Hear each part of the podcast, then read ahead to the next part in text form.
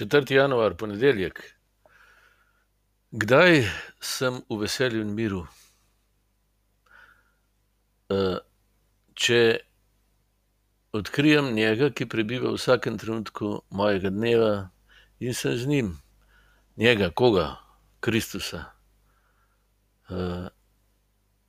on je v meni in jaz v njem. On v očetu, jaz v njem in s tem v očetu. To pravi Janezov evangelij, še posebej v sedemnajstem poglavju. ko običajno razmišljamo, to, kaj pomeni prebivati v Bogu, si predstavljamo pa biti z Bogom pa iz njega pa z njim pa biti oseba pa tako naprej. Si predstavljamo molitev, ne, da je to edini način, da smo lahko z Bogom.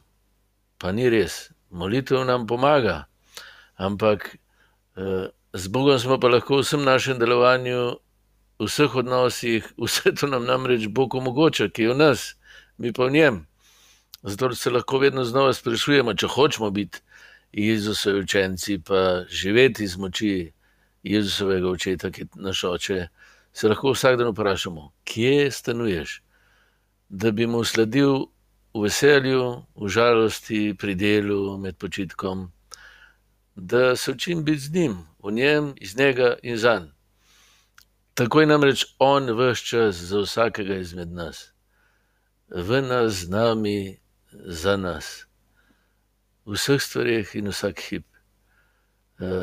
če stanuje v veselju, bom vesel, če stanuje v žalosti, bom žalosten, če stanuje v dejavnosti, bom z njim v tej dejavnosti, če v bolezni, bom z njim v bolezni.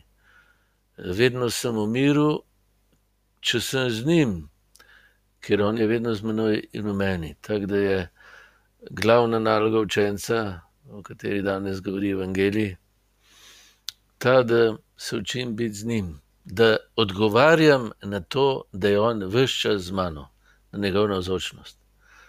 No, to sem povabljen. Pa ti tudi. Če hočeva in želiva. Pridi, Gospod, da bom odgovoril na tvojo navzočnost in bival s tabo.